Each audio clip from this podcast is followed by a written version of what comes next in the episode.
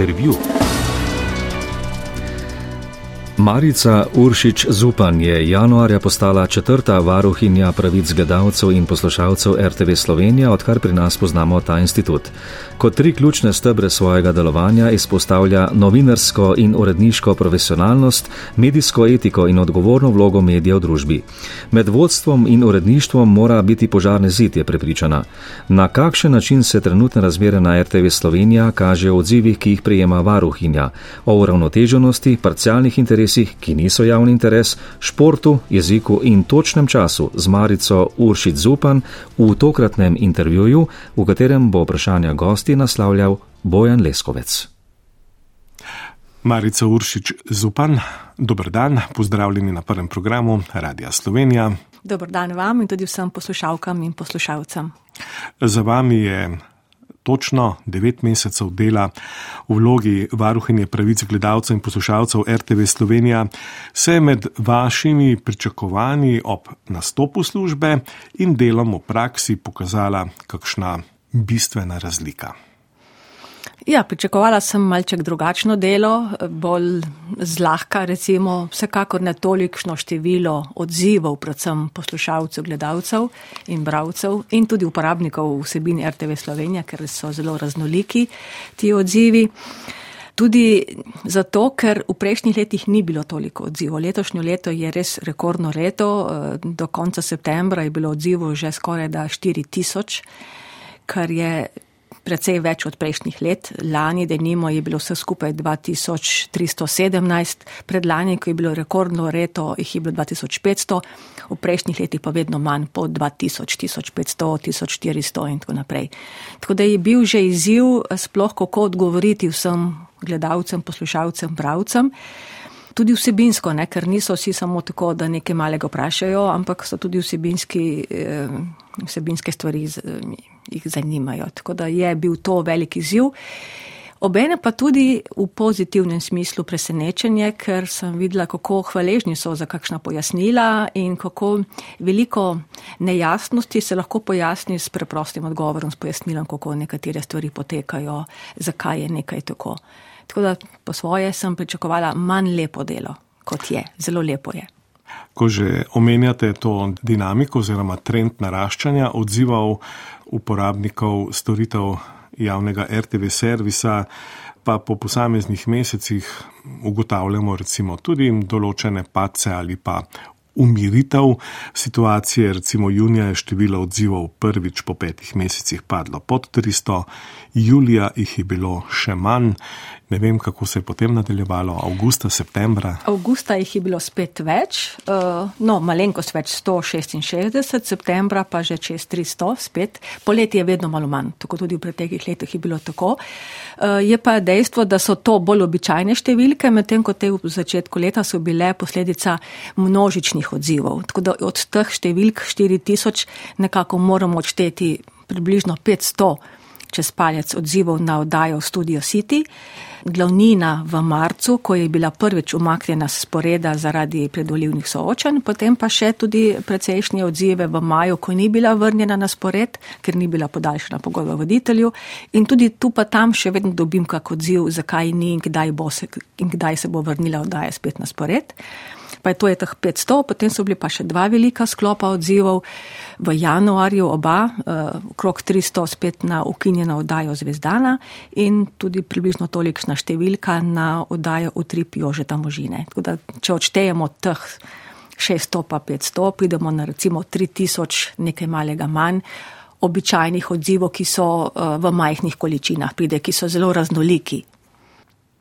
Vi ste si kot tri ključne stebre delovanja postavili prvič novinarsko, uredniško in produkcijsko profesionalnost, medijsko etiko in odgovorno vlogo medija v družbi. Če to malo razčleniva, kakšen je zdaj ta pogled od znotraj in če začneva pri recimo novinarski in uredniški avtonomiji. To v bistvu uporabljam kot sredstvo pri presojah posameznih oddaj. Prav pred dnevi sem dobila eno, eno pripombo, recimo na konkretnem primeru, ki bo tudi najbolj morda jasno poslušalcem in gledalcem. Uh, zakaj ni bilo v prejšnji petek, oziroma pred prejšnji petek, poročila pa soboto, poročil o tem, da je vodstvo televizije Slovenija uh, dalo od, uh, pomine pod odpovedjo 38 novinarjem. Zakaj ni o tem televizija poročala? In mi se je odzval nek gledalec na tem vprašanjem in sem potem poprašala pristojne urednike in dnevne urednike in urednice in so mi odgovorili, da pač ena od urednic, ki je pač tedni dežurna, da se je ona tako to avtonomno odločila, pojasnila, zakaj se je tako odločila, ker ni se pogovarjala tudi z vodstvom sindikata, ki je dejal, da bo v ponedeljek šele dobil odziv. Eh, in se je tako odločila. Zame je to pomeni, da, je, da so uredniki novinarji avtonomni. In dokler je tako, je v redu ko v določenih primerjih, čeprav teh mislim, da ni bilo kaj veliko, uh, bi pa na to opozorila, ne, če bi bili kakšni posegi tudi na kakšne cenzure in tako naprej. Ampak tudi doslej se niso izkazali, tudi v nekih primerov domnevne cenzure se ni izkazalo kot cenzura. Če smem tule postaviti še eno pod vprašanje in se navezati na ta opomin 38 sodelavcem, ki ga omenjate. Kakšni so sicer odzivi poslušalcev, gledalcev, bravcev na stavko novinarjev? Ali razumejo razloge za stavko, jo podpirajo ali za plačan prispevek zahtevajo popolno celovito storitev? Predvsej pestri, mešani so odzivi poslušalcev, so nekateri, ki absolutno podpirajo novinarje in tako zelo jasno izražajo podporo. Potem so drugi, ki pravijo, dovolj imamo tega, dogovorite se že znotraj RTV-ja, nam pa dajte profesionalni program. In so tretji, ki zahtevajo res samo profesionalno delo. In celo četrti, ki rečejo, preveč vas je na RTV-ju, naj stavkojoči eh, nehajo ali pa naj zapustijo RTV. Tako da zelo raznoliki so uh, ti odzivi. Kot na večino pravzaprav stvari znotraj RTV-ja na poročanje na delo so zelo raznoliki. Če se vrneva k vašim trem ključnim stebrom delovanja, drugi stebr, medijska etika. Ja, to je kar široko področje. Eh, predvsem deloma tudi vključeno že večina teh členov medijske etike v eh, poklicna merila in načel novinarske etike, ki so tudi temelj mojih presoj.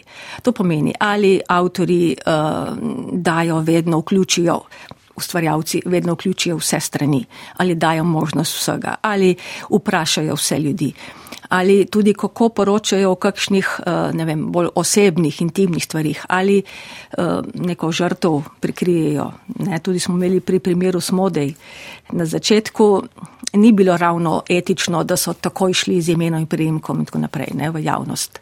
Čeprav na to temo niti nisem prijela nobenega odziva. Tako da tukaj je veliko odgovornost medija, je poleg tega tako teh konkretnih poklicnih stvari, pa tudi potem, o čem sploh medij poroča, katere teme izbira, ali izbira prave teme, ali se odziva na to, kar je v družbi problem aktualno pereče, tudi konec koncu, če, če pohvali koristne stvari. Tako da odgovornost. Odgovornost je boljši izraz kot etika, tudi sodobnejši. Ne? Novinarska teorija bolj govori o odgovornem delu medija in novinarjev. In to pomeni res zelo odgovorno se odzivati na vse širše družbene pojave in jih sporočati javnosti. Izporočati tako, da jih tudi javnost razume. Ni dovolj, da povemo eni oski javnosti, ampak široki javnosti. In tukaj smo potem pri nekem vprašanju, kako na široko je, kako popreproščeno pojasniti nekaj, da dobimo čim širši krok bravcev, da smo tudi čim bolj brani, gledani, poslušani, kar je cilj morda bolj komercialnih televizij, komercialnih medijev in da smo profesionalni. In tukaj so vsakodnevne dileme, pred katere so soočeni vsi ustvarjalci. In uh, tu je še odgovorna vloga medija v družbi, uh, pa na to lahko seveda v smislu nekega dvosmernega prometa navežem še eno vprašanje, ali se ob tem našem lastnem zavedanju te odgovorne vloge medija v družbi, tudi družba, ljudje, ki se odzivajo, pravzaprav zavedajo pomena javnega RTV servisa. To je zelo, zelo, zelo pomembno vprašanje. Eh, prav včeraj sem bila na enem na agenciji za, za komunikacijske in storitve na AKOS-u, kjer deluje en projekt MIPI, medijska in informacijska pismenost. In tam se je izpostavilo zelo pomembno vprašanje, ki je tudi pomembno glede tega, kar ste me vprašali. Namreč vloga medijev, klasičnih medijev v sodobni družbi. Eh, in tukaj je zelo, je, so javni mediji ključnega pomena, ker vemo, da brez dobre informiranosti ni dobre demokracije, ni odgovornih državljanov, ni pravic državljanov in tako naprej. Vprašanje pa je, kako v sodobni družbi ti mediji sploh naj ohranjajo svojo vlogo, svoj pomen, svoj doseg pravzaprav, ker se zmanjšuje doseg klasičnih medijev, ker so ljudje vsakodnevno izpostavljeni zelo mnogim informacijam z zelo različnih koncev.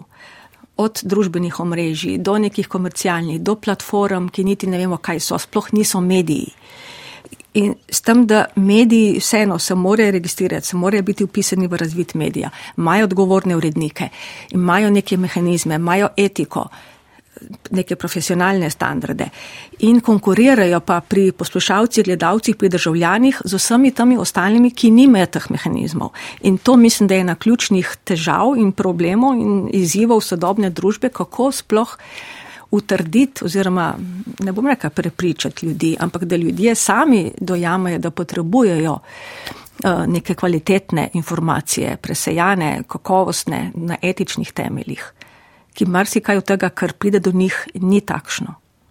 In tukaj vidim, da je vloga javnih televizij um, zelo pomembna in mora res iti v smer, da je kakovostna na eni strani in to, kar sem rekla prej, da pride do čim širšega kroga ljudi. Kaj vi razumete kot uravnoteženost?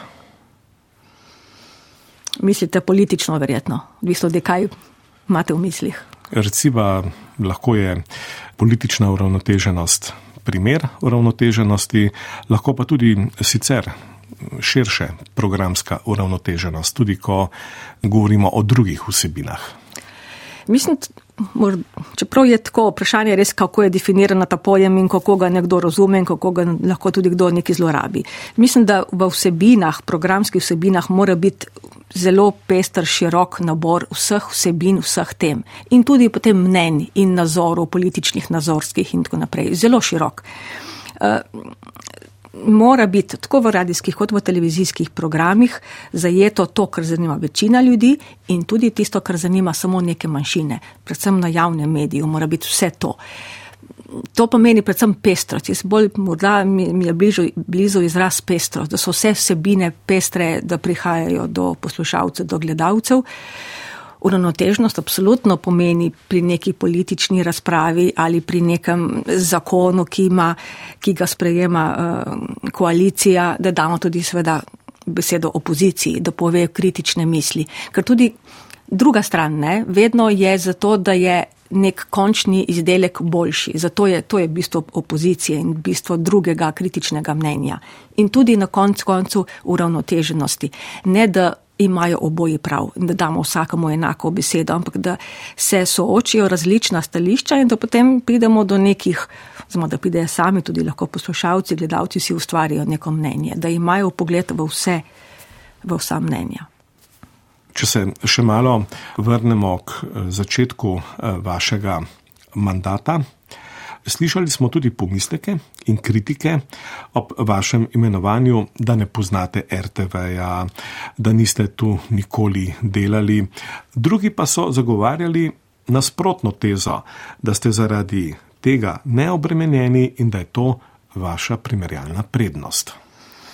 Ja, glede prvega niti ni točno držalo, ker sem vseeno začela na teletekstu televizije Slovenije. To, je bil, to so bili moji prvi novinarski začetki, kar nekaj let sem tam delala, v bistvu sta mi osnovami novinarstva pisanja kratkih vesti. Potem sem tudi delala vrsto let na televiziji Koper kot novinarka, sicer kot zunanja, ampak sem delala, tako da sem poznala tehniko priprave televizijskih poročil, priprave televizijskih novic. Eh, kar se pa drugega dela tiče, pa ja, pravzaprav šele zdaj ugotavljam tudi sama, da je to lahko velika prednost. Eh, ta, prav v tem letu, ko se, se stvari znotraj RTV-ja tako zaostrile, predvsem sestavko, si težko predstavljam, kako je nekdo zaposleni, nekdo, ki bi včeraj del tega novinarskega kolektiva, lahko danes neobremenjen in neodvisen in uh, presoja brez neke oseb, nekih osebnih poznanstv, osebnih zamer in tako naprej. Tukaj najbrž nihče tega takrat niti ni predvideval, ne programski svetniki, ki so glasovali za me, ne jaz sama. Jaz sem se bolj tako kot ne slučajno na to delovno mesto prijavila, čeprav sem predvidevala, da dovolj dobro poznam tudi širši kontekst, širši pomen medijev. Ampak tudi sama nisem takrat pričakovala, da bo to tako zelo pomembno, da bo res to skoraj da nuja v tem letu, da je nekdo, ki je zunanji. Niti tisti, ki so pisali pravilnik o varuhu, se najbrž tega niso zavedeli, ker niso takih situacij predvidevali. Se morda v prihodnje ne bo tako bilo pomembno, ampak prav v tem letu pa je res zelo pomembno, da, se, da so ločene. Ampak, ker jaz zelo zagovarjam stališče v sodobni demokraciji, da je pomembno, da so ločene vse veje oblasti. Tako v državi, da imamo zakonodajno, eh, izvršno, sodno in ne nazadnje četrto vejo v navednicah novinarstvo. Tako je tudi pomembno, da imamo znotraj RTV-ja vodstvo, sindikate, svet delavcev, eh, aktiv, novinarjev in varoha, ki je poseben, ločen organ, neodvisen od vseh teh ostalih. In samo v, ta, v takšnem sistemu, kjer so vsi delčki ločeni in avtonomni, imamo res da potem neko demokratično odločenje vsem. Vi tudi odločno pravite, da med vodstvom in uredništvom mora biti požarni zid. Ali to na RTV Slovenija zares drži, uspeva? Včasih se zdi, da je ta linija zelo tenka in da na mesto požarnega zida tam stoji zgolj nek papirnati zid. Jaz tako presojam, glede na podlagi odzivov, ki jih dobim. Ne želim hoditi po hodnikih in spraševati na tiho, to ni moj način dela. Upam, da ta drži. Zagovarjam, da mora biti. Ne. Vodstvo ima možnost samo, ko nastavi, to je v vseh medijih, ko nastavi odgovorne urednike. S tem se mora poseg oziroma odločenje vpliv vodstva katerega koli medija na uredništvo končati. Zato, da je ločeno, kar se tiče vpliva oglasov in da je ločeno glede vpliva politike in vseh ostalih vplivov. Uredništvo mora biti avtonomno glede sprejemanja konkretnih odločitev. Upam, da je tako. Glede na pravzaprav do zdaj iz teh ni nekih večjih, da bi lahko sklepla, da to ne drži. Upam, da drži.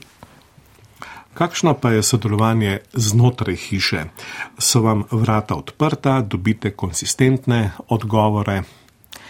Večinoma ja, zelo, tudi zelo hitri so odgovori, sicer sicer nekoliko različno iz katerih delov hiše, ker jaz v glavnem kontaktiram odgovorne urednike posameznih uredništev, programov ali vodje tehnike in tako naprej, kjer so ostali deli.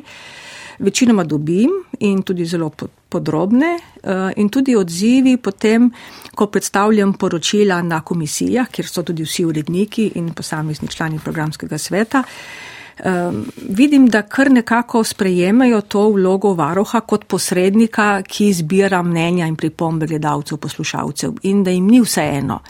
Tudi včasih tako samo dobro namerno rečem, tako pa je, je samo en odziv, ampak vseeno ga morda preverite. In večinoma ja, se odzivajo, se pogovorijo znotraj uredništev, se tudi pogovorijo vem, s stilisti oddaj in tako naprej. Morda še najmanj gled v tem informativnih delih, tam so malo bolj novinari zakopani, tudi morda, ker so bolj prepričani v svoj prav. Ampak nasplošno so in na radiju, na televiziji, novinari bolj prepričani v svoj prav in težje kakšne generalne stvari spremenijo. Naš radijski kolega in dolgoletni programski svetnik Sašo Hribar je ravno tam nekje v tistem času vašega imenovanja. Pravzaprav opozarjal, da je varuh nemočen, eh, ne glede na to, kako profesionalno in trdo dela in takrat dejal, če se vodstvo nekaj odloči, varuh pri tem ne more nič. To je res. Varuh ni, eh, nima nekih formalnih vzvodov. Varuh lahko ima moč besede.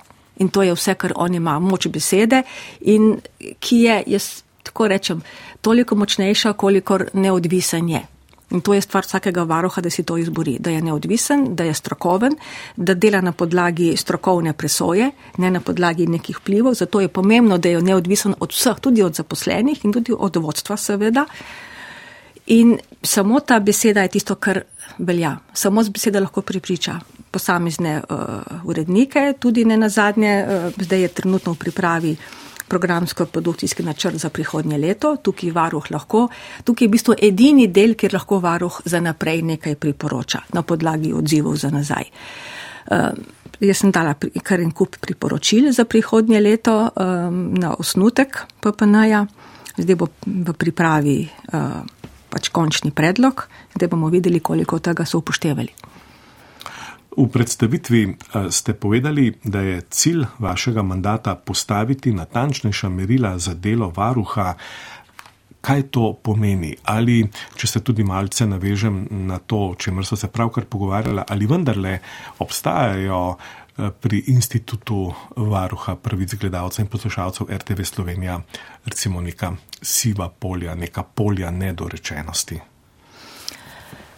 Ja, so. Prvič zato, ker tudi ta, te osno, osnove, na katerih dela, to je predvsem, so predvsem pravilnik o poklicnih merilih in načeljih novinarske etike, so zelo zastarela in pomankljiva. Pred dnevi sem eh, ocenjevala spet obnašanje oziroma delovanje enega od zaposlenih novinarjev zunaj RTV-ja, snemanje nekega intervjuja, ki sicer ni bil za medij in tam se je izkazalo, da ni meril kaj je, kje lahko zaposleni sodelujejo, kje ne smejo, kak, kje lahko predstavljajo svoje delo, tuje delo, televizijsko delo in tako naprej. Tukaj je celo sivo polje, kjer ni meril. To si se pripravlja, je v pripravi, kot vem, je nekdanja prejšnja varohinja pripravljati eh, prenovljen pravilnik. Zato upam, da bodo tam zelo boljša ta pravila, bolj dodelana. Ampak tako, imela sem v mislih to, poleg tega pa tudi uh, v bistvu neka tako pravila presoje, zato da bo vsak varuh ali pa tudi, če bo zelo veliko število odzivov, je to pravzaprav preveč za enega človeka, da lahko delate to dva, trije ljudje in da ni odvisno od vsakega posameznika, kdo to presoje, ampak da, da kdorkoli presodi, presodi enako. V tem smislu sem imela ta pravila kot oporo varuhim, varuhu ali njegovim sodelavcem, predvsem res, če je veliko odzivov in tudi, da so uh, vsi gledalci, poslušalci enako obravnavani, vsi odzivi enako obravnavani. Prej ste že omenili, da je za vami kar relativno dolga novinarska karijera. Bili ste novinarka primorskih novic, slovenca, delali ste na našem hišnem teletekstu. Imate morda tudi radijske izkušnje povezane s Koprom? S Koprom ne, nekaj malega sem delala na radiju Trst A v Trstu, na slovenskem zamejskem radiju, oziroma kar, kar nekaj let, no, sem sodelovala z nekimi daljšimi oddajami, ampak ne pa s takimi delom v živo, kot ga upravljate vi tukaj. Sicer pa vam verjetno vse te pridobljene novinarske izkušnje, tudi izkušnje iz različnih medijev, zdaj pridejo prav. Vsekakor, čeprav res te televizijske mi bolj glede teh tehnike, tehnikalije, kako pomembno je, koliko sploh mora biti materijala nasnemanega za tisto minuto in pol, da vem, ko poslušalci reče, kaj pa sploh počnejo novinari, razen tisto minuto in pol, ko so na televiziji, da jim pojasnim, ne, mora iti na teren se pripraviti, dobiti sogovornike, uh, pet sogovornikov za, za tri izjave, tri je ne dajo izjav in tako naprej, da poznam to, ta, to tehniko dela. Boljše, morda pomembnejše je pa tudi to pri presojah, eh, so pa te novinarske uredniške, predvsem z primorskih novic, ker sem najdlje delala, ker pa človek res ugotovi, kako uh, se dnevno odločamo o tem, kaj sploh pride v medije, kaj ne pride, katere, pomemb, katere teme so pomembne, katere prodajajo recimo časopis ali morajo biti na prvih minutah dnevnika ali odmevov, katere so v drugem planu, ker tudi to sprašujejo gledalci. Zakaj je bila neka, nek prispevek šele na koncu dnevnika, zakaj ni bil na začetku dnevnika. In tukaj pravzaprav ni nekih, ni neke teorije urednikovanja, to so res izkušnje, ki pridejo z leti. Eh, je ne mogoče jih dobiti iz neke teorije.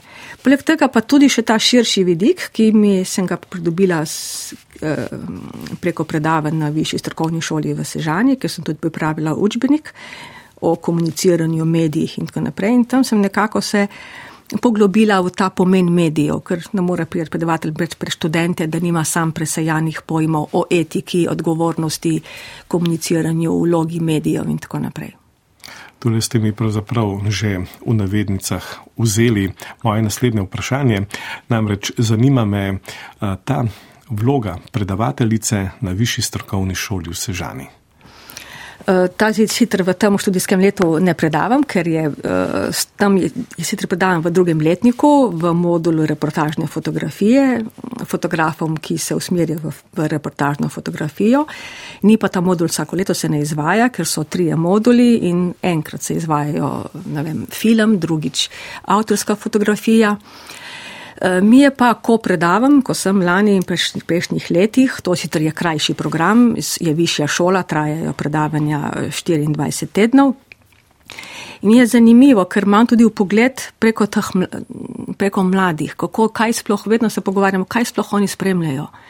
In zelo redki spremljajo televizijo, zelo redki spremljajo radijske programe.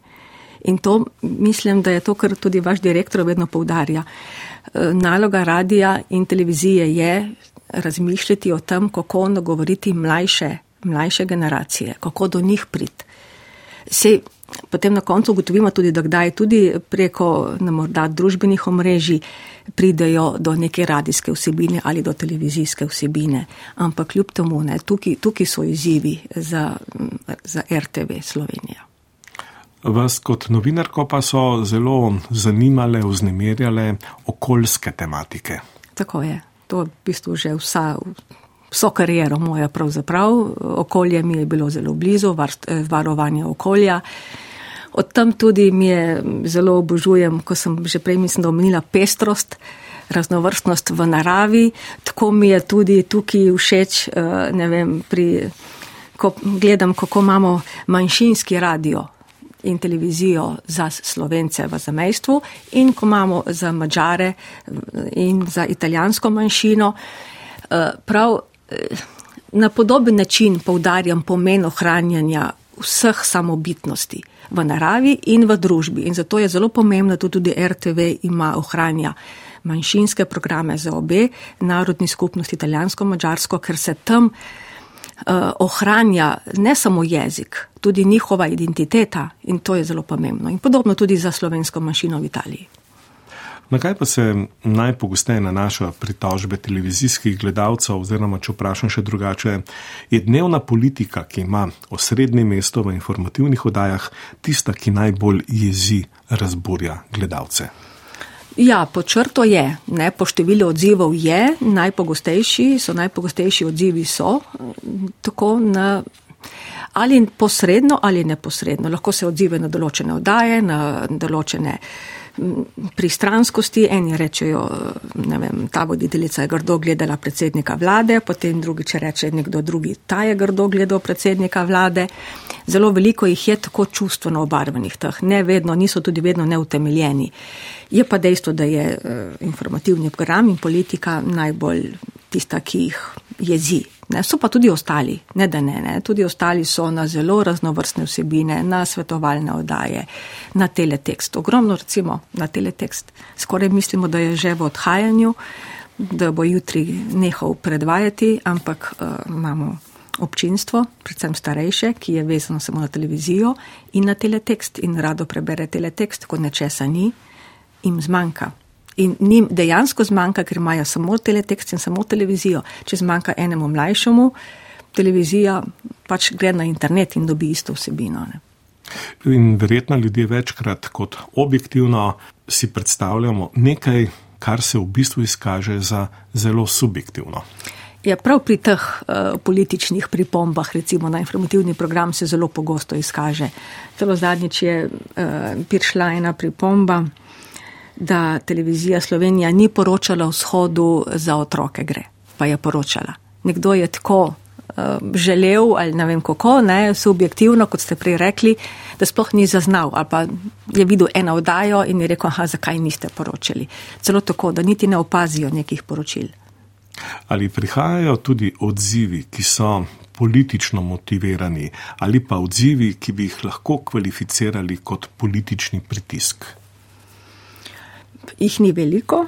Zdaj v zadnjem času sploh ne, no skoraj da zelo malo jih je bilo pa tam v času volitev, pred volitvami. Ja, celo sem bil nek bivši politik, ki je celo objavil v enem mediju, kar je meni pisal in kako pričakuje, da jaz razsodim. In če ne bom prisodila tako, kot on misli, da je prav, pomeni, da sem pristranska. Tako da jaz to jemljem kot obliko pritiska, sem mu tudi tako odgovorila. Um, pač, jaz sicer rečem, da če poskušajo pritiskati novinari, kot sem jaz dolgo bila, smo pritiskov navajeni. Ni prav, da so na splošno, ne? se moramo biti proti pritiskom takim in drugačnim v družbi, ampak novinari pa tudi znamo jih, jih moramo znati prenesti in odbiti od sebe. Ne? Vse, če ne pritiskajo, moja stvar je, da se tem pritiskom ne uklonim. Verjetno pa porabite pri svojem delu kar veliko časa, da gledalcem, poslušalcem, bravcem pojasnite, da nek parcialni interes pač ni splošni javni interes. Ja, seveda, tudi, tudi. Čeprav takih ni zelo veliko, ne so recimo neke, ki hočejo imeti zelo, ne vem, to in to stvar. Ampak ni tako zelo veliko. V vsakem, vsakem odzivu vseeno je, se lahko tudi vidi nek širši interes težko pravzaprav rečem, ne? pač pojasnim, da morda je pojasnil v neki drugi oddaji ista vsebina ali kaj takega. Ne? Težko rečem, da so res zelo parcialni interesi. Če pa so, pa ja in pojasnim seveda.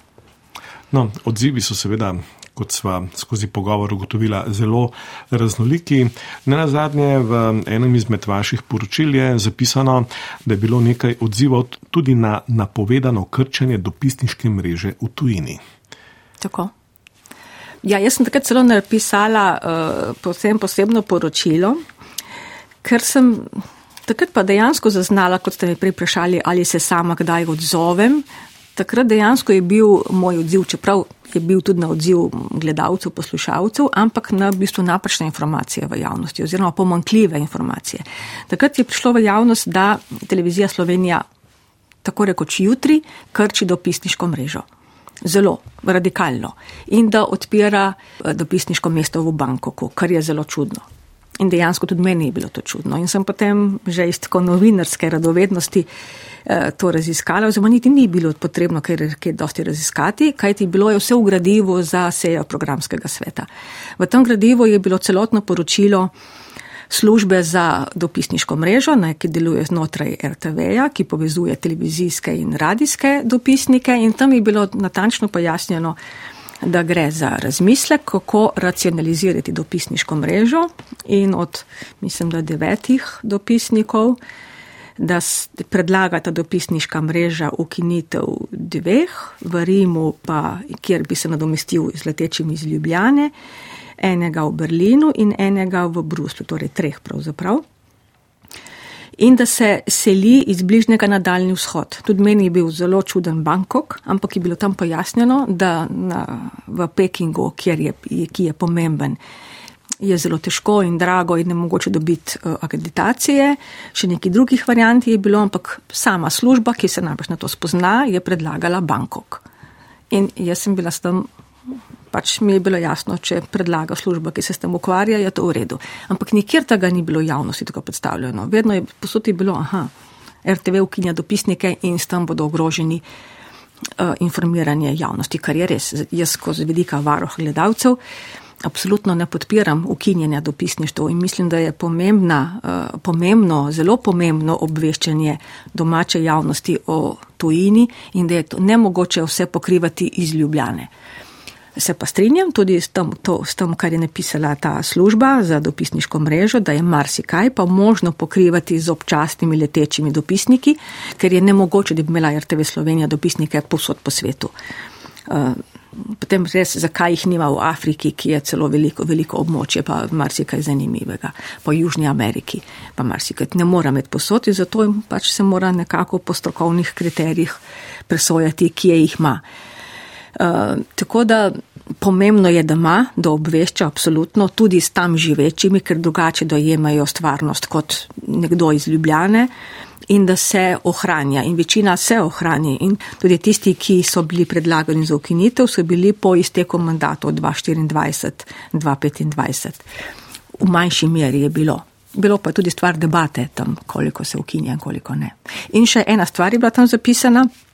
Tudi ni bila javno predstavljena, da se ne krči vsota za dopisniško mrežo, da se tisti denar, ki se prihrani z dopisniki v Rimu ali v Berlinu ali v Bruslju, preseli v ta uh, sklad za leteče dopisnike, ki pokrivajo vso ostalo Evropo ali svet, kjerkoli se nekaj pomembnega zgodi.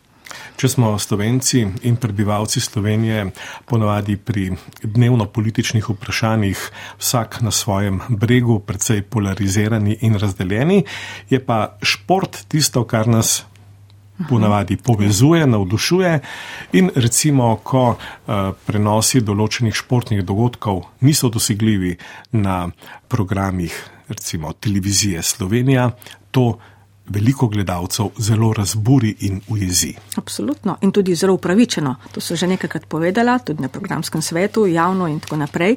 Absolutno gledalci, ki plačujejo RTV prispevek in plačujejo davke za nacionalni šport, pričakujejo, da bodo na nacionalni televiziji imeli možnost gledati svoje državne reprezentante.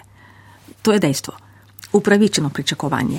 In tega letos ni bilo. Ni bilo pri košarki, ni bilo, mislim, da kasneje pri odbojki ali rokometu še pri nekaj. Pri odbojki, ja. Pri odbojki. To je velik problem, se je samo ukvarjala z njim uh, in predlagala vodstvu sklepe, uh, oziroma programskemu svetu, ki je naložilo vodstvo, da marsikaj, da poskuša, kar se da narediti v tej smeri, da bi na televiziji bili ti prenosi. Nekaj korakov je bilo narejenih, niso pa žal vsi v pristojnosti RTV Slovenija. Deloma se z njimi ukvarja tudi AKOS, agencija, ki je nadzorni organ, ampak niti v njeni pristojnosti niso vsi, kajti izdaljatelji, ki imajo sedež v tujini, Eh, lahko nad njih jih lahko nadzira samo tamkajšnji nadzorni organ. Mislim, da v primeru košarke je Akos predal Luksemburgu, ker je tam uh, izdajatelj doma. Ampak uh, ne glede na te trenutne za nazaj, uh, mislim, da more narediti in RTV in ostali morda javni RTV po Evropi več, da nekako se združijo in dosežejo, da bodo nacionalne televizije prenašale vsaj večino najpomembnejših športnih dogodkov. In tukaj se pogovarjajo o povezavi z Balkanom, ker so povezani eh, tudi konkurenti, ki dobivajo te televizijske pravice, jih kupujejo za cel Balkan. Jaz upam, da tudi se bodo kaj z evropskimi, z ostalimi RTV-ji povezovali eh, in tudi morda bi bilo za poprašati po družbeni odgovornosti Eh, te velike mednarodne športne zveze. Ali imajo, ali oni, ima, oni imajo kakšno besedo o tem, da rečejo, kdo pod kakšnimi pogoji sme prenašati njihove tekme. To so le njihove tekme, mm. njihovi igravci igrajo tam. Ja, in tudi država lahko v skladu s veljavno zakonodajo Evropske unije oblikuje tako imenovani beli seznam, ja. white list športov, ki imajo ta nacionalni. Tako pomen in doseg. To je naredila, tudi pred kratkim vlada je naredila, je sprejela seznam teh športov, ki uh, morajo biti dostopni preko medijev, ki imajo dostop do najmanj 75 odstotkov gledalcev. In da so seveda brezplačna. Tako, tako, ne da moraš še plačevati operaterju in tako naprej. Ne. Oziroma ne, mislim, da ni pogoj, da so brezplačni, da je samo tak doseg. Ker je, uh, je bilo zdajč rečeno, da to ni nujno, da dobi RTV te prenose, lahko dobi tudi nekdo drug, ki ima doseg kar pomeni, da ni v bistvu brezplačno. Ne. Ampak, bi pa lahko naredila morda država in ostali v tej smeri še kak korak. Prej ste tudi omenili, da gledalci, ki plačujejo RTV prispevek, pa se bom malce zaustavil še pri tej dikciji. Plačevanje RTV prispevka, po vašem mnenju, naj ostane tako, kot je, ali ste vi recimo zagovornica liberalizacije plačevanja RTV prispevka v skladu z argumentom, ki ga veliko krat tudi slišimo v javnosti, češ naj vsak plača tisto, kar potrebuje. Ne, mislim, da ne. Nisem zagovornica tega, naj vsak plača, kar potrebuje, ker potem tukaj pridemo do nekega tržnega odnosa in v tržnem odnosu niso potem vedno varovani javni interesi. Zato sem zagovornica RTV prispevka v takšni ali drugačni obliki. To je lahko stvar debate, tudi v kakšni višini celo morda uh, z nekim dodatnim tolerjem oziroma evrom, včasih mi toler, da je evro, da se zagotavlja nek javni servis. Morda pa je za doreč, kaj je znotraj RTV-ja. Javni servis, javna vsebina, kaj pa bi morda bi lahko bilo na takšni bolj prostovoljni recimo osnovi, ampak za ta javni del pa absolutno mislim, da mora biti že zato, da ni te neposredne povezave med potrošnikom in nekom, ki mu ponuja storitev. Tukaj prav za RTV prispevkom, ki ni naročnina, to pogosto pojasnjujem tudi gledalcem, ne, ki rečejo, plačujem naročnino, zato moram nekaj za to dobiti. In je vedno rečem, ne, ne plačujete naročnine, ker to ni prostovoljno, ampak je neke vrste davek, zato da eh, javni servis je dolžen zagotavljati vse stvari, ki so pomembne za javnost. Zato absolutno menim, da neka oblika takšna mora, mora ostati. Še en termin je zelo pogost v javni razpravi zadnjih tednov ali mesecev depolitizacija RTV Slovenija. Jaz načeloma se preveč v ta zakon uh, ni ravno moje pristojnosti in ne bi se preveč spuščala v to, uh, ker so tudi že pojmi različni, že raz, različno raz, uh, razumejo nekateri, kaj je to depolitizacija, kaj ni depolitizacija. Tako da uh, jaz sem za to, da se obstoječi zakon dobro prevetri, ker je zastarel. Uh, v celoti, ne samo s temi popravki, v celoti marsikaj je v tem zakonu za prevetrit, ker toliko časa je že. Tudi zakon o medijih je za prevetrit. Uh, ta zakon, ta novela zakona neke stvari naslavlja, tudi varoha med drugim ga dviguje na, na zakonsko raven, ki prej ni bil, tudi nekatere stvari rešuje dobro. Ali bo dosegla cilj depolitizacije ali ne, težko rečem, ker bomo tudi najbrž videli v praksi. Uh, namen najbrž je dober, bomo pa videli, tako da več pa se ne bi opredeljevala glede tega. In če se vrnemo še malo k strukturi odzivov ob prebiranju vsakokratnega mesečnega poročila, vašega instituta, nekako opazimo, da je število odzivov na račun televizijskih programov, tudi multimedijskega centra, krpko večje kot število odzivov eh, na radijske programe. Kako si to razlagate? Najbolj zato, ker vsekakor to ne pomeni, da so radijske postaje manj poslušane. To absolutno ne, ker imajo več poslušalcev, kot imajo gledalce televizije, manjši so odzivi. Zdaj, prav jasnih odgovorov tudi jaz nimam, zakaj je več odzivov. Ne? Največ je bolj vidna je televizija, zato je bolj na udaru, bolj večjo težo ima, kot ima radio. Tudi če vidimo na družbi, kakšen družbeni vpliv ima radio.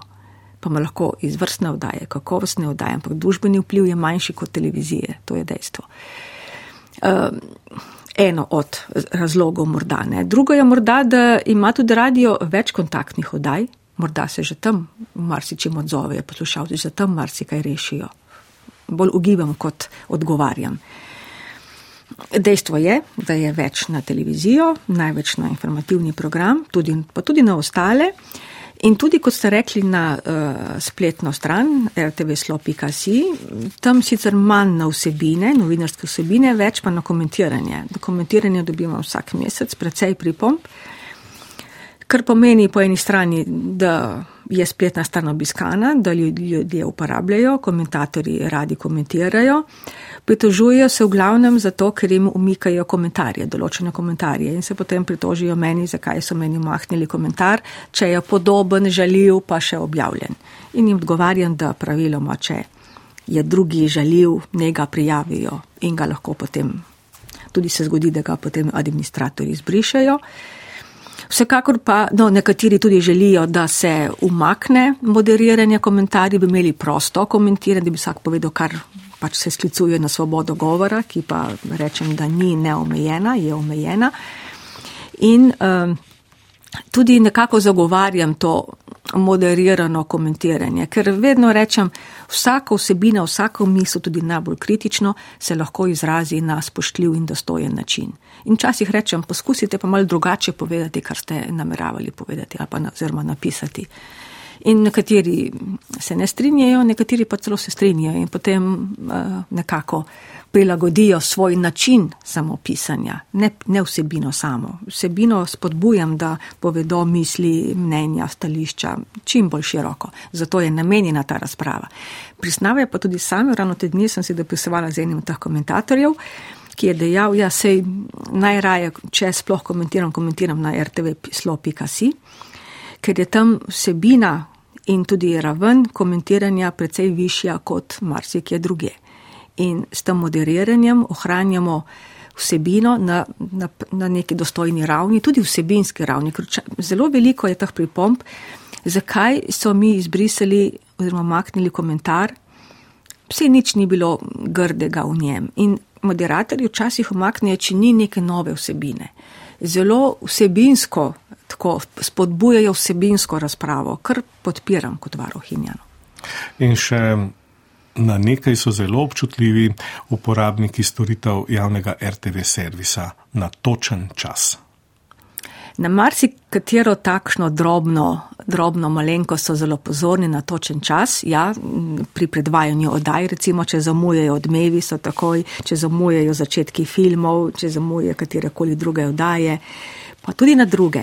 Če manjka vreme za en kraj, en dan na radio, recimo, ali če je nek napis narobe, ali če je pot napis narobe take drobne jezikovne napake jih zmotijo, zelo govor jih zelo zmoti. Včasih tudi, eh, recimo, kakšne nove stvari, nove skovanke v jeziku, ki jih tudi uvaja RTV Slovenija, seveda pa niti niso seznanjeni, da so. Ne? Tako da ne veliko, zelo širok razpon je teh stvari, na katere se odzivajo. Vi ste četrta varuhinja v zgodovini tega instituta pri nas s kakšno osebno vsebino, osebnim pristopom mislite, da ste napolnili ta institut oziroma to vlogo? To se bo še najprej šele pokazalo čez čas. Iz dosedanjega dela morda ugotavljam dvoje. Prvo mi je eh, odziv gledalcev, poslušalcev, ki, s katerim poskušam in pisno, in eh, po telefonu imeti čim več osebnih stikov. In so zelo zadovoljni z odzivi. Mislim, da mi je tako tudi osebnostno pisano to delno kožo. Zelo rada se pogovarjam, pojasnjujem gledalcem. In mi je zelo všeč, ko so zadovoljni z nekimi pojasnili. To je res, je prav pisalo, morda bo to ena moja, ena moj tak pečat, nek oseben stik. Da sem pripravljena vedno vsako stvar in pojasniti, odgovoriti na vsako stvar. In drugo pa neki profesionalni parametri. To, kar sem tudi si začrtala, ne, kar sem nekako je moj cilj, upam, da bo dosežen, neki standardi, objektivna merila, ki bodo tudi za naprej varohom omogočili, da bodo nekako, ne glede na to, da bo vsak imel dal nek svoj pečat, pa vendarle neko osnovo bila skupna vsem. Tudi jaz skušam nadgrajevati delo preteklih varuhov. Nisem prekinila, nisem postavila na svoje, po svoje svojega sistema. Nad, nad, nadaljujem to, kar je bilo doslej, seveda pa skušam tudi slediti nekim spremembam in tako naprej. In naposled, kako vzpostaviti neposreden in spoštljiv dialog med uporabniki in ustvarjalci vsebin javnega medijskega servisa, je to pravzaprav nek zaključen proces, nekaj, pri čemer je mogoče doseči končni cilj, ali je to pravzaprav nek limitni račun? Nemogoče je to doseči, ker že družba se spreminja in zato se spreminjajo vsebine in se spreminjajo načini posredovanja teh, teh vsebin gledalcem, poslušalcem, bravcem in zato se spreminja jezik in zato se spreminjajo odzivi. In to je naša stalnica. Mi moramo nekako zasnovati, oziroma imeti sistem odzivanja, ki bo fleksibilen, ki bo odprt, dejansko, ki bo želel imeti novosti, oziroma želel odzive na novosti, ki jih RTV kot, jaz upam, da vodilni mediji v tem javnem, javni teži, ki jo mora imeti v družbi, eh, da bo imel tudi odzive hitre in tako neposredne k ustvarjalcem in posredno preko mene, ker Jaz včasih mi je kar mal tako hudo, ker ko na kakšnih komisijah predstavljam predvsem kritične pripombe in potem rečem, joj, končno pa ena pohvala in reče, ne skrbeti, se pohvale pridejo k nam neposredno. Ne. Varuh je predvsem tisti, ki sprejema kritične, ki pri varuhu imajo zajamčeno anonimnost, se lahko odzivajo, brez da so z imenom in primkom posredovani dalje ampak tudi te kritične pripombe so lahko koristne za, za ustvarjalce, da potem so še boljši. Se to je naš namen in naše poslanstvo. Marica Uršič, Zupan, hvala lepa za pogovor in uspešno delo vam želim še naprej. Hvala tudi vam in lep pozdrav vsem poslušalcem in vabim tudi poslušalci, da pokličejo, pišejo karkoli, s čimerkoli, s kritikami, pohvalami, pripombami.